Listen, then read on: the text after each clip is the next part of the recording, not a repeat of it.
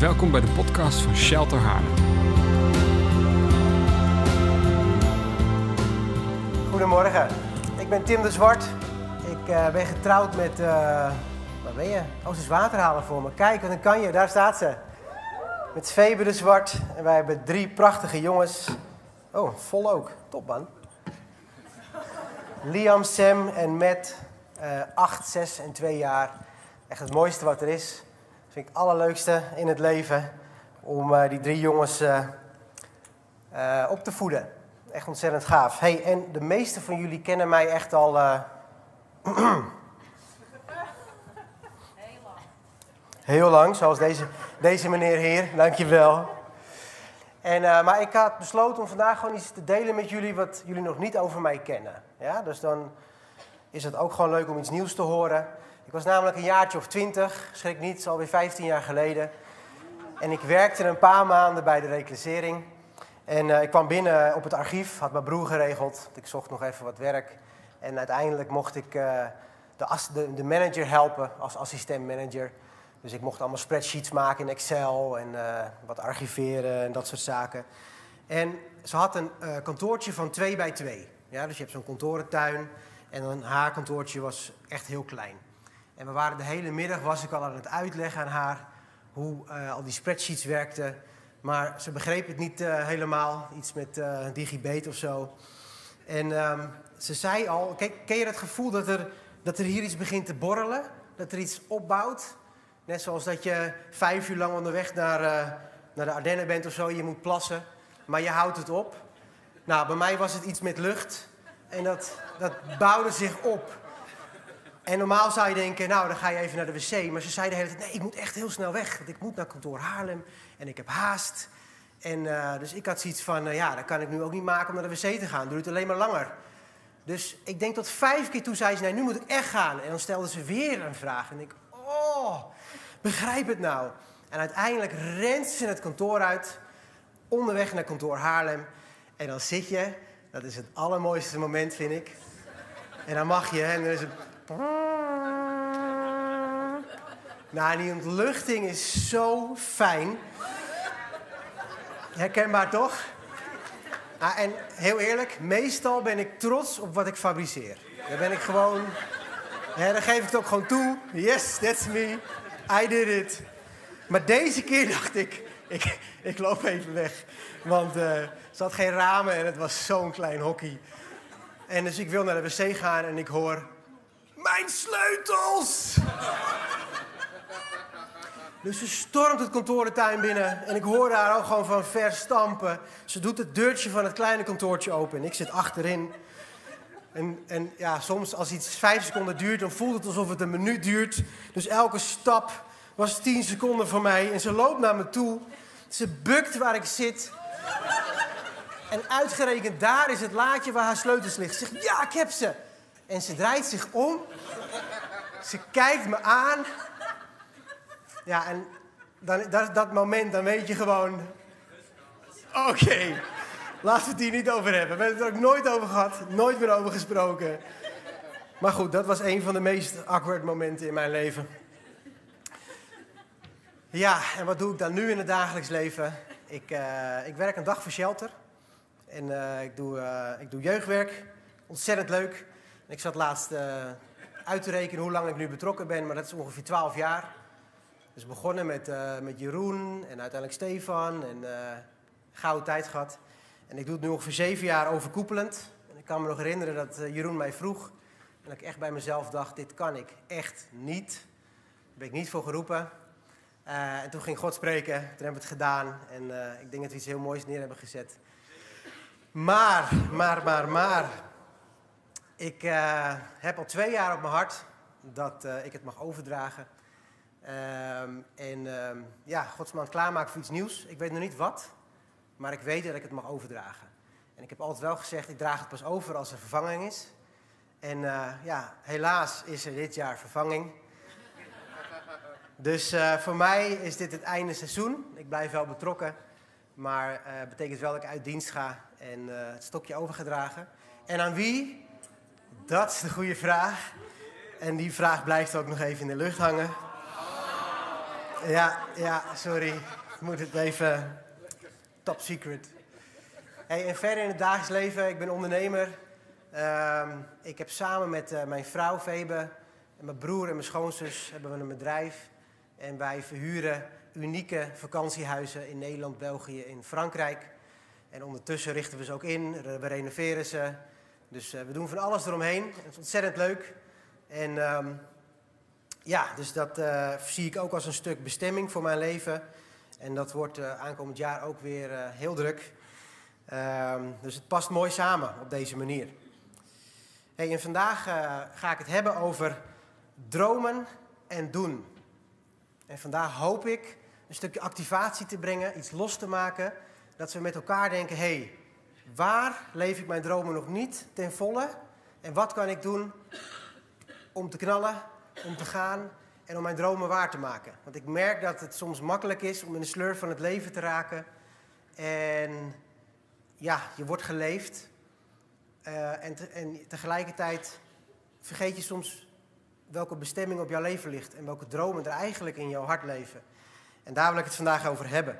En hoe cool dat het vandaag Paas is. Want Pasen, dat vind ik een hele mooie tijd om na te denken en te vieren dat Jezus is opgestaan uit de dood. En Sanne omschreef het al super mooi. Hij heeft de dood overwonnen. De dood heeft geen macht meer op ons, eh, over ons. En ehm, Jezus die leeft in ons. En door Jezus mogen wij zijn koninkrijk bouwen. We mogen altijd bij de Vader zijn. We zijn verzoend met Hem. En dat is super tof. En als je het dan hebt over dromen. De dromen van de discipelen. Die hadden drie jaar lang hadden ze met Jezus opgetrokken. En die dromen die spatten letterlijk uiteen toen Jezus stierf. En ook weer letterlijk, drie dagen later toen Jezus weer opstond, kwam hun droom weer tot leven. En vandaag wil ik jullie vier punten meegeven waardoor jij je dromen gaat doen. En punt 1 is, ontdek Gods droom voor jouw leven. Ik denk dat dat een hele belangrijke is om mee te beginnen. En als je kijkt naar Petrus, Petrus die ontving de droom over zijn leven, een van de dromen van zijn leven, heel letterlijk toen Jezus op het strand uh, hem vertelde wat zijn taak was. Um, maar Petrus die voelde zich enorm schuldig. Die voelde zich niet goed genoeg. Dus de discipelen, um, die, die, ja, hun droom kwam letterlijk weer tot leven toen Jezus opstond uit de dood. En bij Petrus, die, die had net voor de dood van Jezus, Jezus drie keer verlogend. Dus Jezus had het al voorspeld. Je gaat me verlogenen. Nee, ga ik niet doen. Ben je beste vriend. En toch verlogend Petrus Jezus drie keer. Nou, moet je voorstellen, Stefan Sveers, deze knappe jonge man vooraan, een van mijn beste maatjes. Moet je voorstellen dat iemand naar mij toe komt en die zegt: Jij bent toch vrienden met Stefan? En dat ik zeg: Nee, die ken ik niet. Nog nooit gezien. En dat, dat die persoon dan zegt: Ja, maar ik heb je ook wel eens gezien met de gezinnetjes samen, en met de kids en met de dames. Ik weet zeker dat jij een vriend van Stefan bent. En dat ik zeg: Nee, ik ken hem echt niet. En nog meer mensen komen naar me toe. En die zeggen: Ja, maar ik heb het ook gezien. En toch blijf ik volhouden Nee, ik ken Stefan niet. Hij is niet mijn vriend. Dat is echt zielig. Ja. Maar dat, dat kan je je toch niet voorstellen, dat dat gebeurt? En toch verlogende Petrus Jezus. En toen de haan kraaide, toen wist hij het ook. En hij voelde zich enorm schuldig. Hij dacht, ik ben niet goed genoeg. En dat vind ik zo ontzettend tof aan Jezus. Gaan we even lezen, Johannes 21, vers 15 tot 17. Onze kanjer van de beamer boven. Kijk eens hoe snel. Toen zij gegeten hadden, vroeg Jezus aan Simon Petrus: Simon, zoon van Johannes, houd je van mij, meer dan de anderen? Ja, heren, u weet dat ik van u hou, zei Petrus. Zorg dan voor mijn lammeren, was Jezus' antwoord. En Jezus vroeg hem voor de tweede keer: Simon, zoon van Johannes, houd je van mij? Ja, heren, u weet toch dat ik van u hou, zei Petrus. En Jezus zei: Pas dan op mijn schapen. En voor de derde keer vroeg Jezus: Simon, zoon van Johannes, houd je van mij? En toen Jezus hem voor de derde keer vroeg of hij van hem hield, werd Petrus verdrietig. Heere, zei hij, u weet alles. U weet toch dat ik van u hou? Zorg dan voor mijn schapen, zei Jezus.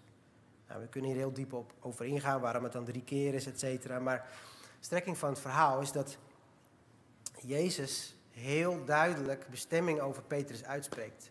Dus Petrus denkt, ik ben niet goed genoeg, ik heb echt big time gefaald. Dat heb ik ook heel vaak in mijn leven gedacht.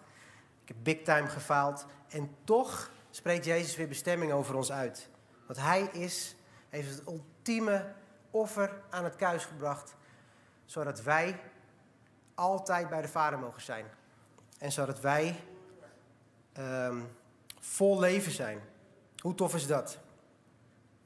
Nou, mijn droom, of althans één van mijn dromen, ik heb er vele, zoals de meeste mensen weten. Uh, een van mijn dromen, een grote droom in mijn leven, die kwam toen ik in Afrika was. Ik ging namelijk vijf maanden met een uh, Land Rover, gingen we door Afrika crossen. Uh, want ik was op een verjaardag van de broer van Febe. En iedereen, vorige keer heb ik ook wel eens verteld, hè, dat ik al negen jaar oud was toen ik op mijn knietjes ging en bad dat Febe mijn vrouw zou worden.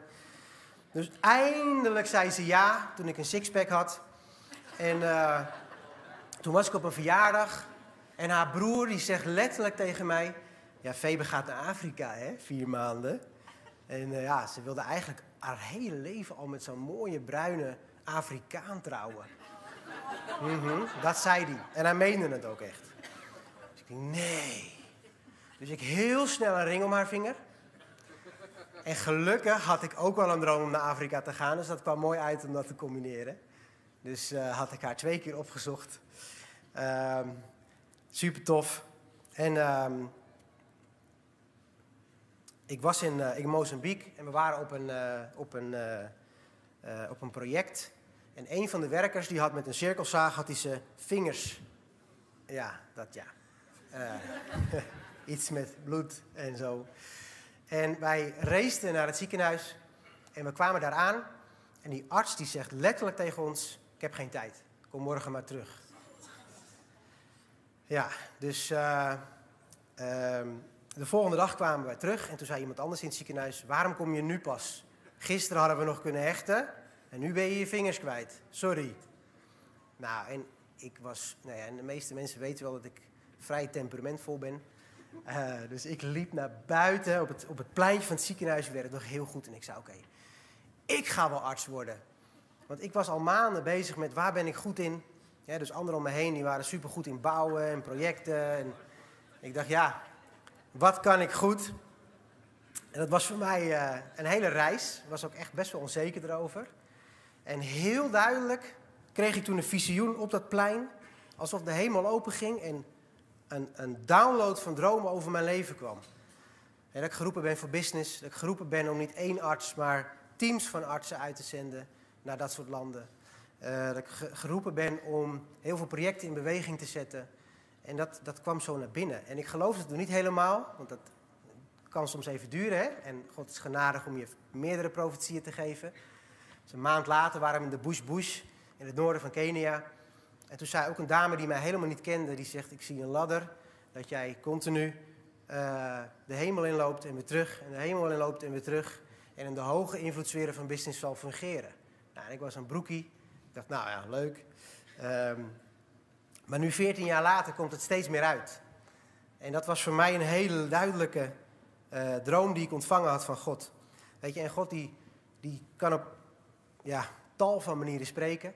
Vaak heeft iedereen ook wel weer een andere manier hoe die dingen ontvangt van God.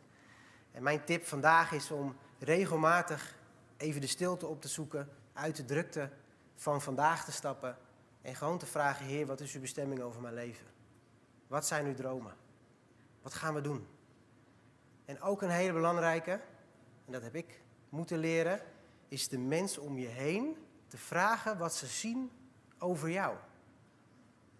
Want vaak zie je het zelf niet. Dat heb ik heel lang gehad. Dat ik niet zag wat de bestemming was op mijn leven en dat mijn omgeving ja, dat gewoon vanzelfsprekend vond.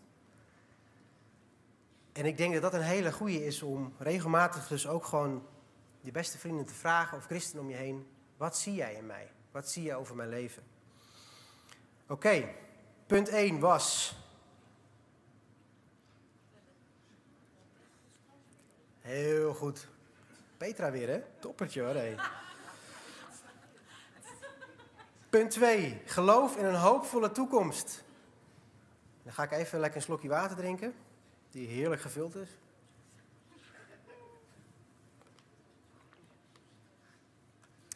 Ik denk dat het belangrijk is om eerst je geloofsovertuiging goed te hebben. Want God heeft een masterplan voor jouw leven. En in mijn opvoeding werd ik vaak, en of het nou mezelf lag of mijn omgeving, dat laat ik even in het midden. Maar ik werd heel angstig opgevoed. En ik al met al die Left Behind series. En ik dacht, ja, de wereld gaat er toch aan. Dus wat maakt het allemaal uit? En helaas kom ik af en toe christenen tegen die zo angstig zijn. En die, die, die zijn wel klaar hoor. Die denken van ja, ik moet elke dag klaar zijn, want Jezus komt morgen terug. En die doen hun dingetje wel. Maar ze leven niet in hun volledige potentie en hun bestemming waar God hun wil hebben. En dat, dat raakt mij. Weet je, uh, Martin Luther King die zei: Al weet ik dat de wereld er morgen aangaat, plant ik vandaag nog steeds een boom. Wij zijn geroepen, en dat vieren we ook met Pasen, om het Gods koninkrijk te bouwen en om zijn licht te verspreiden. Want zijn licht is in jou. En of Jezus nou morgen terugkomt, zou kunnen. En wat er allemaal gaat gebeuren, zouden we dat in het midden kunnen laten en ons kunnen focussen op wat God vandaag voor ons heeft. Want wij zijn geroepen om Gods koninkrijk te bouwen. En uh, een tijd geleden had ik een gesprek met een zakelijke investeerder. En die zei letterlijk, ik, ik, ik gaf hem wat investeringsopties aan. Zei, ja, nee, ik, ik, investeer niet meer. Want ik weet zeker dat Jezus elk moment terugkomt. Dus ik ga niet meer investeren. Nou, dat raakte mij zo dat ik denk, hè, hoe dan? We zijn juist geroepen om te investeren en te zorgen dat de weduwe, de weduwe en de wezen te eten krijgen. Om te zorgen dat iedereen de naam van Jezus te horen krijgt. Amen. En mijn vraag voor jou vandaag ook is: ben jij een baken van hoop en licht om jou heen? En dat kun je ook weer de mensen om je heen vragen. Hè? Het is niet altijd leuk om te horen. Maar wel heel goed om die vraag te stellen. Ben ik hoopvol? Ben ik hoopvol, voller dan de mensen om mij heen? Breng ik licht met mij mee? Dat zou wel moeten, want de Heilige Geest woont in jou. Marcus 16, vers 17 tot 20. Goh, jeetje man. Goed bezig. De mensen die het geloven, zullen hieraan te herkennen zijn. Zij zullen in mijn naam boze geesten verjagen. Zij zullen in nieuwe talen spreken. Zij zullen slangen kunnen vastpakken. En als zij iets giftigs drinken, zal hun dat geen kwaad doen. Zij zullen zieke mensen de handen opleggen en genezen. Nadat hij met hen gesproken had, werd Jezus opgenomen in de hemel en ging aan de rechterhand van God zitten. En de leerlingen trokken erop uit om overal het geweldige nieuws te vertellen. En de Heere werkte met hen mee. Hij zette hun woorden kracht bij door er wonderen op te laten volgen. Nou, dit is nog steeds van toepassing. Misschien nog wel meer dan toen. Met alles wat we weten en alles wat we geleerd hebben. Wij zijn geroepen om Gods koninkrijk te bouwen. In Romeinen 8, vers 18 tot 19 staat: Ik weet zeker dat wat voor lijden wij hier ook doormaken, het in het niet valt bij de schitterende heerlijkheid die God ons straks zal laten zien. De schepping ziet verlangend uit naar het moment waarop zal blijken wie de kinderen van God zijn. De schepping kijkt rijkhalsend uit naar het openbaar worden van de zonen en de dochters God, staat in een andere vertaling. Zelfs de schepping wacht op jou om in actie te komen. En dat brengt me ook bij punt nummer drie. Dus wat was punt nummer twee? Wel een beetje opletten, vriend. Hey. Onderzoek wat jou tegenhoudt. Uh, is punt 3, sorry. Geloof in een hoopvolle toekomst. Oké, punt 3. Onderzoek wat jou tegenhoudt. En ik vind het ook een hele belangrijke om bij stil te staan. Onderzoek wat jou tegenhoudt. Ik merk dat, um, in ieder geval in mijn eigen leven, hè, dus ik, ik heb best wel wat meegemaakt in mijn kindertijd. Um, ik was altijd onzeker. Ik had meerdere maskers op. Uh, ik had een trauma meegemaakt toen ik zeven jaar oud was, nooit over gesproken. En ik haatte mezelf daarvoor. En dat zat zo ontzettend diep in mij, ehm, waardoor ik eigenlijk nooit mijn dromen achterna ging. Ik durfde niet eens op jeugdweekend mee hier in Shelter, omdat ik angstig was. En ik was altijd de stoere jongen die, eh, die dingetjes deed die niet helemaal goed waren. Maar diep van binnen wilde ik eigenlijk wel. Maar ik had gewoon te veel angsten en bolwerken om mij heen gebouwd. Twee jaar geleden ook wat over gedeeld. Ik ga daar niet uh, diep op in. Maar ik denk dat het wel goed is om regelmatig je hart te controleren. En vier jaar geleden, toen ik zo ziek werd, heb ik ook eerder over gesproken. Toen kon ik niet meer leunen op die energieke en vrolijke Tim. Dus eigenlijk, mijn identiteit was gebouwd op alles wat ik deed. En niet helemaal, natuurlijk. Nadat ik mijn hart aan de Heer had gegeven toen ik 18 was, werkte ik natuurlijk aan mezelf en werd ik steeds een mooie persoon. Maar ten diepste, toen ik echt geen energie meer had, niet eens de trap meer op kon, toen merkte ik dat ik weer aan de bak mocht. En ik had de diepste ontmoetingen met Jezus toen gehad. En dat trauma kwam ook weer boven. En ik dacht, man, ik dacht dat ik hier aan mee gedeeld had. Maar dat trauma zat zo diep dat ik er eigenlijk met dat stuk nog niet mee gedeeld had. En de Heilige Geest was gentle. En, en ja, één ontmoeting was ik tien counseling sessies verder. Gewoon door de hand van de Heilige Geest. Maar ik moest hiermee dealen. En ik geloof dat de samenwerkingen die ik vandaag de dag heb.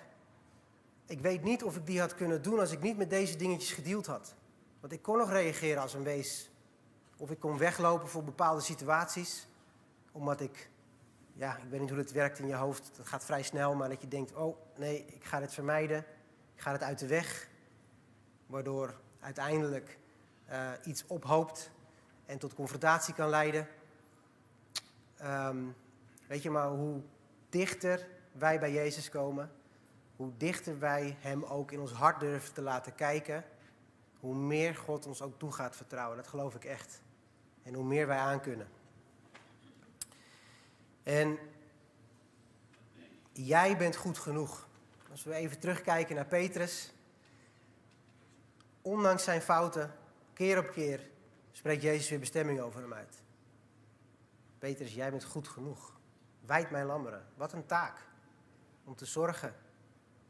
Om te zorgen voor de volgelingen van Jezus. Wat een opdracht. Zo Petrus dacht, ik stop ermee, ik ben niet meer goed genoeg. Jij bent goed genoeg. En jij bent geroepen voor grootsheid. En of dat nou heel groot is dat allemaal zichtbaar is, of groot in het kleine, wat ontzettend veel uitwerking heeft, dat maakt niet uit. Als je maar doet wat God over jouw leven heeft gesproken. Laat je niet roelen door angst. Want dat is een uh, hele vervelende.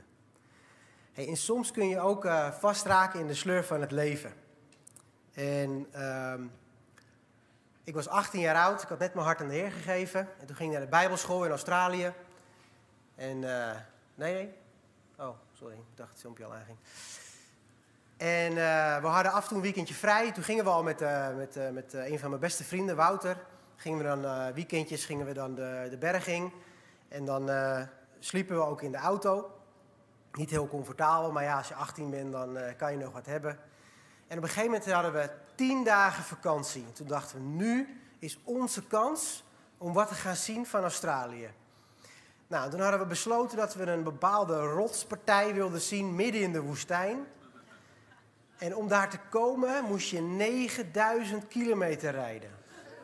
Ja, want je moest een rondje maken. En toen konden we dat gelijk combineren met een aantal andere dingen.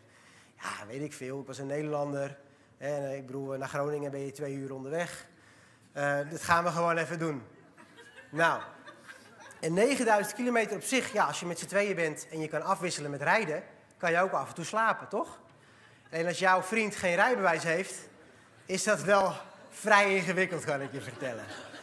Dus die 9000 kilometer waren ook echt 9000 kilometer. Ja. En uh, we zaten zo vast. En, en we tien uur per dag rijden en dan slapen in de auto en weer door. En ja, in Australië is in het midden van Australië vrij saai. Dat is gewoon woestijn. En af en toe zie je uh, wat schapen en uh, drie inwoners in een dorpje. En um, ja, er is echt helemaal niks aan. Dus uh, dat was vrij saai. En toen waren we uiteindelijk bij die rotspartij. Dat was ons doel, dat wilden we echt zien. Want het was speciaal voor de aboriginals. En ehm, dat, ja, dat, dat, moest je gewoon gezien hebben. Achteraf denk ik, ja, mooi steen, maar... ja, ja, Zo was het ook weer niet. Niet, niet te hard uh, opzeggen, maar... Uh... Maar ja, weet je wat echt een probleem is? Vroeger, uh, 17 jaar geleden, had je nog geen camera in je telefoon. Dus toen hadden we zo'n oud ding. En we hadden er maar één. En dat is echt een vrij groot dilemma als je back af bent en geïrriteerd en je bent er klaar mee. Ja, je gelooft het niet, maar we kregen ruzie over wie de camera mocht vasthouden. Ja. Dus uiteindelijk hebben we niet samen die rots bekeken. En hebben we allebei de, de hike uh, samen gedaan. Nou, ik zal even laten zien hoe dat er ongeveer aan toe ging, zo'n reis.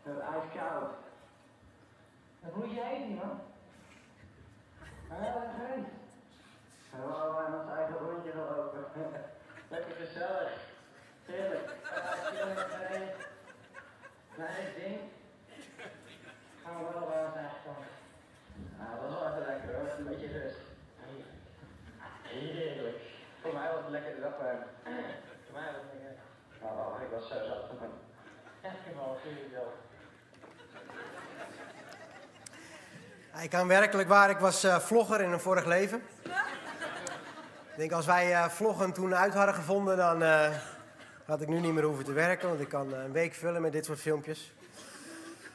Maar goed, strekking van het verhaal, het is wel heel realistisch. En dat is natuurlijk, je kan soms zo druk zijn met het najagen van jouw doel of je droom, dat je eigenlijk vergeet om te genieten van de reis. Maar eigenlijk ook soms gewoon letterlijk je doel mist. Want ons doel was om samen die hele mooie, belangrijke rotspartij te zien. En uh, ja, hier hadden we het natuurlijk al een beetje goed gemaakt, het laatste filmpje. Maar ja, we hadden wel echt even ruzie. En uh, ja, dus allebei uh, ons eigen weg gegaan. En het is heel normaal natuurlijk, hè, de sleur van het leven. Ik bedoel, ik heb drie kinderen. En ik kan je vertellen, je wordt wakker, je maakt brood. En dan uh, moet je ook nog voor overblijf brood smeren. En dan is het brood op, oh, nog even snel naar de bakker.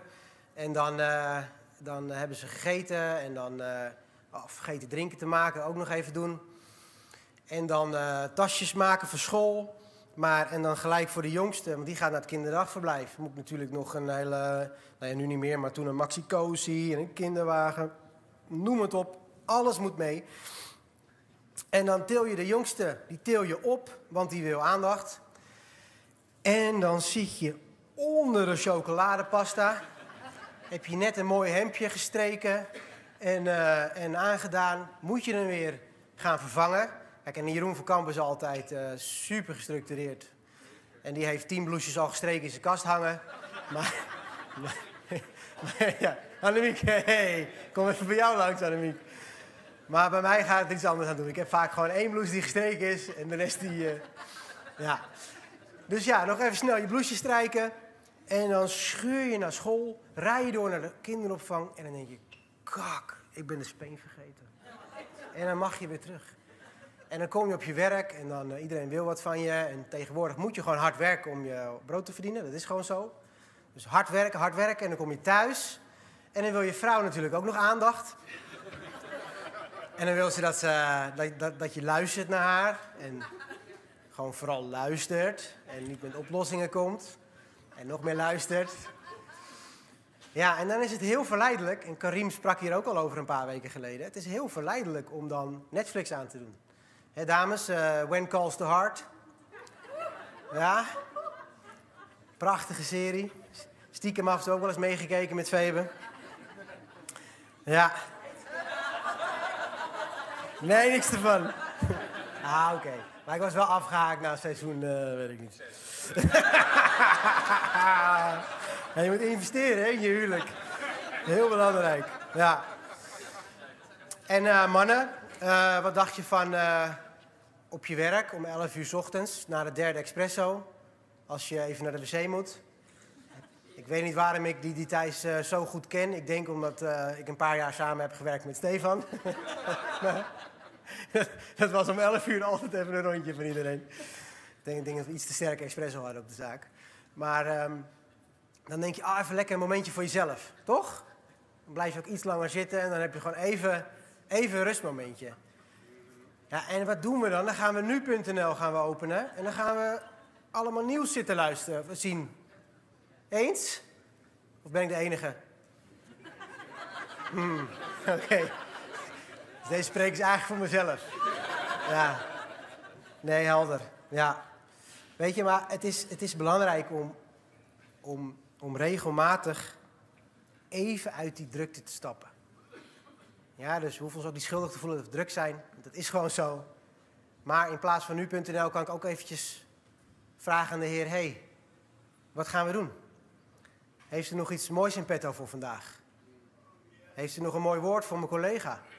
Of heeft u, uh, heeft u nog een profetie voor mijn buurman? Of heb je even tijd om echt even te vragen aan je collega hoe haar week was? Of vorige week had ze iets meegemaakt om daar even op terug te komen? Durf je even stil te staan? En even uit die drukte te stappen. Nou, bij mij werkt het het beste om gewoon even een half uurtje te gaan wandelen. Want thuis uh, moet ik altijd stoeien en, uh, en uh, altijd gezelligheid. Maar vind jouw moment om echt eventjes uit die drukte te komen en te vragen, oké Heer, leef ik in mijn bestemming? Leef ik mijn dromen? Voer ik ze uit? Vraag aan de Heilige Geest, want die woont in je. Hoe makkelijk is dat? Steven heeft het vorige week nog over de Heilige Geest gehad. In Johannes 14 lezen we dat Jezus de Heilige Geest heeft nagelaten en die woont in jou. En alle grote geloofshelden in het Oude Testament, die hadden de Heilige Geest niet op de manier hoe wij hem hebben. Heilige Geest woont in jou. Dus elk moment van de dag kun jij iets ontvangen van de hemel. En mag jij een licht zijn voor de omgeving om jou heen. Oké, punt drie. Wat was dat? Ja, dat zal wel lekker kloppen, ja. Ik hoor, uh, ik hoor in ieder geval heel veel. Dat gaat de goede kant op. Oké, vier, die mogen jullie raden. Wie kent de film Starsky en Hutch nog? Je hebt natuurlijk een hele oude variant. En een iets nieuwere variant. Dat is mijn generatie. Ik denk dat de jeugd, uh, ja... bijna niet kent, inderdaad. Oké, we gaan even een filmpje kijken. Do it. Dinkle wants some dinkle. Give it to me. Huh? Come on, do it. Lay it on right here. Do it. Do it. Okay? Okay. Do it. Mm-hmm. Do it. All right. Do it. Do it. Do it. Bacardi and cola, do it, do it. Okay. I'll be right back. Oké, okay, wat is punt 4? Do it! Ja! Yeah. Let's go! Just do it! Febe en ik die, uh, zeggen heel vaak tegen elkaar: uh, Doe het, doe het. Als je ergens geen zin in hebt of ergens tegenop ziet, just do it. Dus nu gaan jullie deze tekst of deze zin nooit meer vergeten. Dus voortaan, als je twijfelt of niet durft, do it. Efeze 3, vers 20. God kan oneindig veel meer doen dan wij ooit kunnen bidden of beseffen. Dat blijkt uit de kracht die in ons werkt. Nog een keertje. God kan oneindig veel meer doen dan wij ooit kunnen bidden of beseffen. Dat blijkt uit de kracht die in ons werkt. Dus jouw grootste dromen, de vetste dingen die je hebt meegemaakt, God kan het overtreffen. Als we deze beloftes zien, dan hebben we geen reden meer om niet te gaan. Let's go. Laten we nieuwe avonturen maken en uitstappen in geloof. Er is geen beperking en aan God ligt het niet. Ik, uh, uh, ik had een podcast geluisterd van uh, Richard Gordon. Ik was laatst de naam vergeten, zei Gordon Ramsay. ik dacht ook echt dat hij zo heette. Maar um, Richard Gordon is een voorganger. Gananja zal hem, jij kent hem zeker weten. En ik had een podcast van hem geluisterd. En deze gast die is zo tof en, en zichzelf. Blijkt dat hij uit een, uh, een behoorlijk slimme familie komt. Dus iedereen heeft meerdere PhD's en heel, heel uh, wel bespraakt en geleerd. En uh, komen ook uit een best wel, best wel serieus gelovig opgevoed. weinig van het bovennatuurlijke. En op een gegeven moment had zijn vrouw het hem meegenomen naar een dienst waar veel van het bovennatuurlijke gebeurde. En toen ging iemand voor hem bidden en hij vloog twee rijen naar achter. En hij heeft zeven dagen lang heeft hij, um, encounters gehad. Dus hij bleef zeven dagen in die encounters zitten. Het was zelfs zo dat als hij, als hij langs mensen liep of de handen op mensen legde en ze waren ziek, dan ze. En hij heeft zoveel bovennatuurlijke uh, uh, dingen meegemaakt dat zijn hele uh, kijk op de wereld en alles wat hij geleerd had, alles werd overroeld door het bovennatuurlijke. En op een gegeven moment kreeg hij een droom letterlijk, met een bepaalde code, want hij zat in het programmeren en uh, had een hele zware, moeilijke opleiding. En dat was gewoon een bepaalde oplossing, technologische oplossing, wat uiteindelijk het leger van Amerika ook toegepast heeft. En hij moest de wereld over om die download die hij van God had gekregen, om daarover te spreken. En um, hij had ook een droom om een, uh, een school of technology op te zetten samen met anderen. En dat is hij gewoon gaan doen. En ze hebben, vorig jaar hadden ze 700 afgestudeerden. En het maakt niet uit of je programmeerervaring hebt, ja of nee. Je hebt eigenlijk altijd een baangarantie. Voor echt gigantische bedragen uiteindelijk qua salaris. Op hele belangrijke posities in de meest invloedrijke bedrijven ter wereld. En wat doen ze? Het belangrijkste in de opleiding is dat je dat je leert um, over de Heilige Geest. En leert over de kracht van God. Dat overal waar jij komt, jij invloed hebt. Nou, en er zijn echt misschien wel duizenden getuigenissen van hoeveel impact zij gemaakt hebben. Um, en dan denk ik, één man, één droom. En dat kan zoveel impact hebben. Ander mooi voorbeeld. Ik had uh, mijn preek teruggekeken van twee jaar terug. En toen uh, zag ik dat ik ook een mooi verhaal had over mijn vader. Nou, ik heb er nog eentje. Um, mijn vader, die, uh, mijn buurman, die, die werkt voor ons. En die had ik naar België gestuurd op een klus. En toen had ik geregeld dat hij bij mijn ouders kon slapen. Want alle panden waren bezet. En toen uh, belde ik hem de volgende dag. En toen zei ik, pa, hoe, hoe was het? Ja, was fantastisch fantastisch. Ik heb hem de hele avond het evangelie uitgelegd.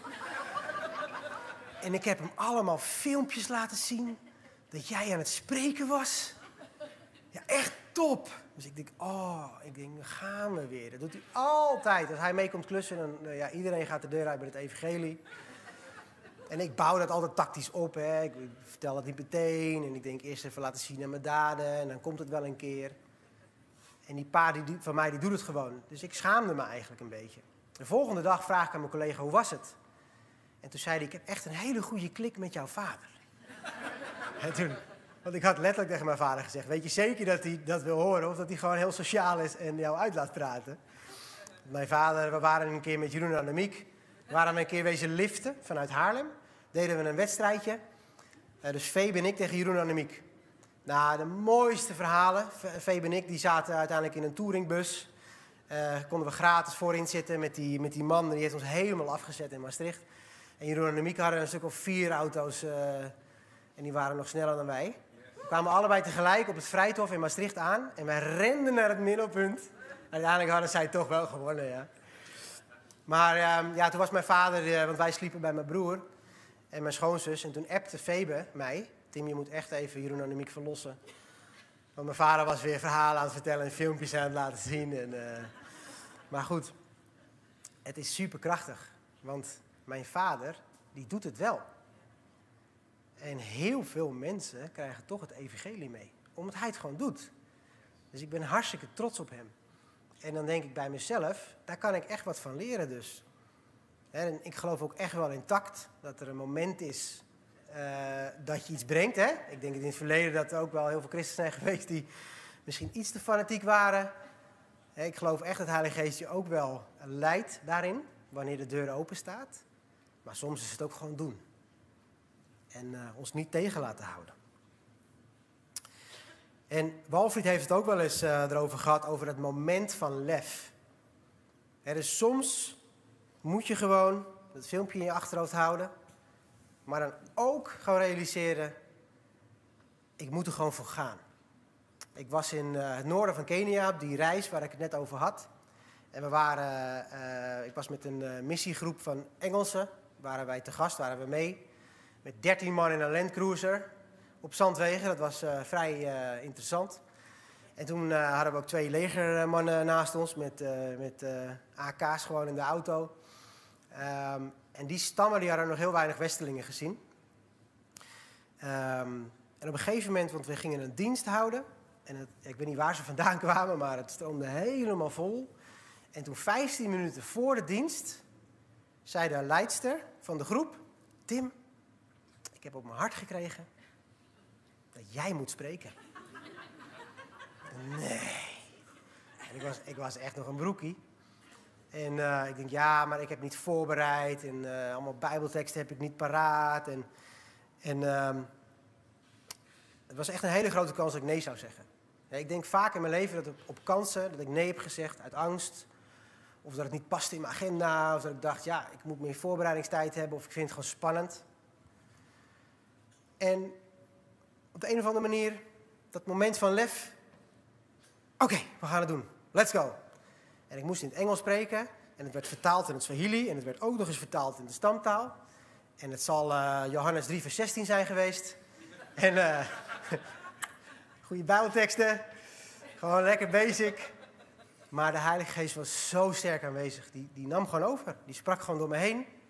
En bijna, bijna iedereen daar die gaf zijn hart aan Jezus. En ik denk dat de helft van het dorp eh, lichamelijke genezingen had ontvangen. Ja, die ervaring neemt niemand mij meer af.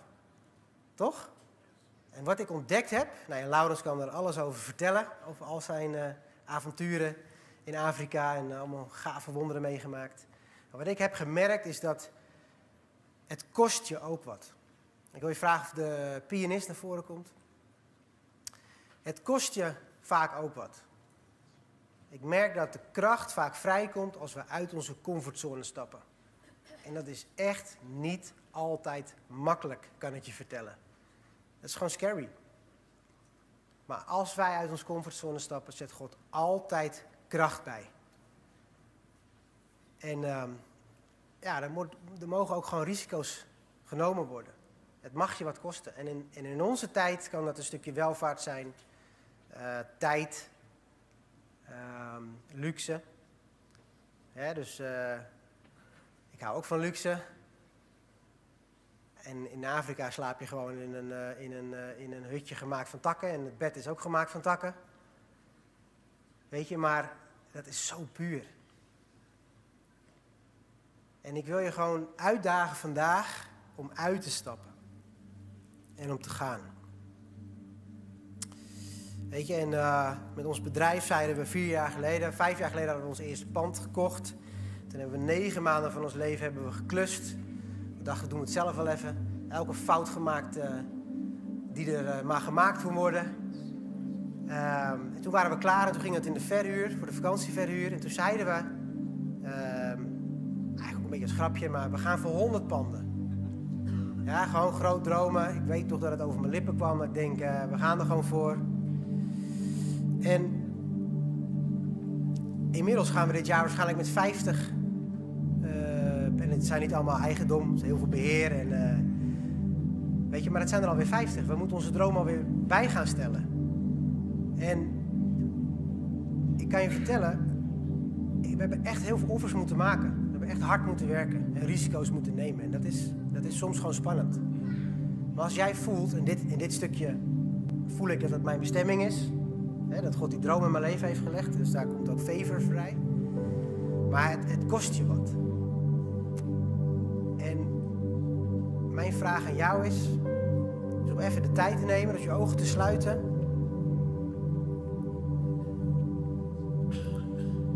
Om even na te gaan in je binnenste en ook God te vragen, wat zijn de dromen die ik in mij heb? Welke bestemming heeft u voor mijn leven?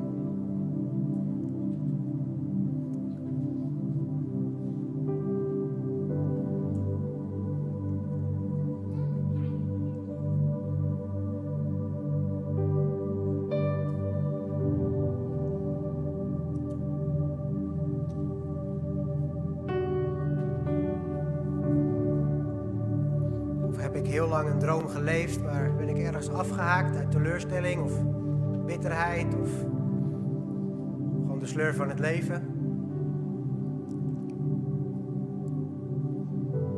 Dank u wel, Vader, dat u op dit moment ook gewoon weer leven blaast in onze dromen. Dank u wel, Heer, dat u zoveel om ons geeft. In deze wereld redden door ons heen.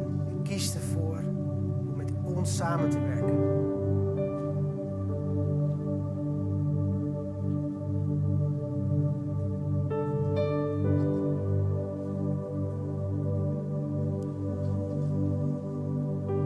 Ik geloof ook echt dat dit moment een nieuw leven geblazen wordt. In de dromen waarvan je weet dat ze op je leven liggen. En dat God ook nieuwe dromen geeft en openbaart.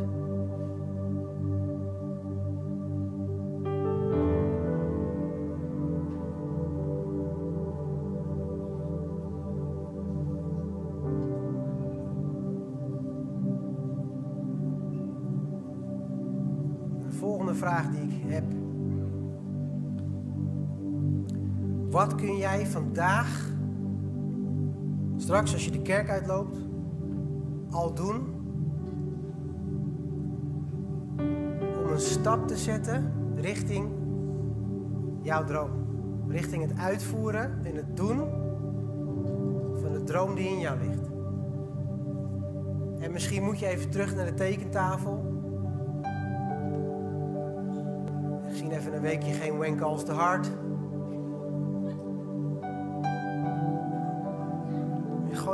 Opsluiten in een ruimte waar niemand is.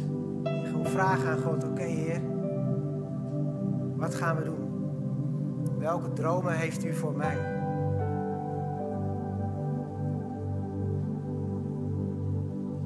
Misschien moet je wel een coach in de hand nemen. Misschien moet je nog dingen opruimen die je tegenhouden. En misschien leef je al heel erg je droom uit. Vandaag gewoon een bevestiging van hé, hey, lekker bezig. En dan mijn vraag is altijd weer, wat kun je nog meer doen? Kunnen die dromen nog groter?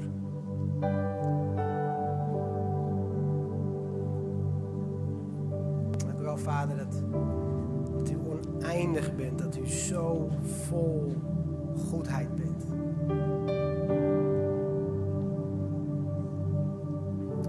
Echt, Heer, dat deze week een keerpunt zal zijn. Heer, dat deze week, dat we die nooit meer vergeten, omdat we weten, hé, hey, dit is de week waarin we uitstappen en stappen zetten richting het uitvoeren van onze droom. Of er gewoon bij stilstaan van, hé, hey, waar gaan we naartoe?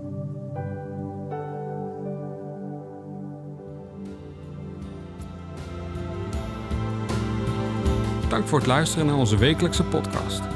De missie van Shelter is Gods Koninkrijk zichtbaar maken in onze wereld. Wil je onze gemeente financieel ondersteunen in deze missie? Ga dan naar www.shelter-haarlem.nl geven.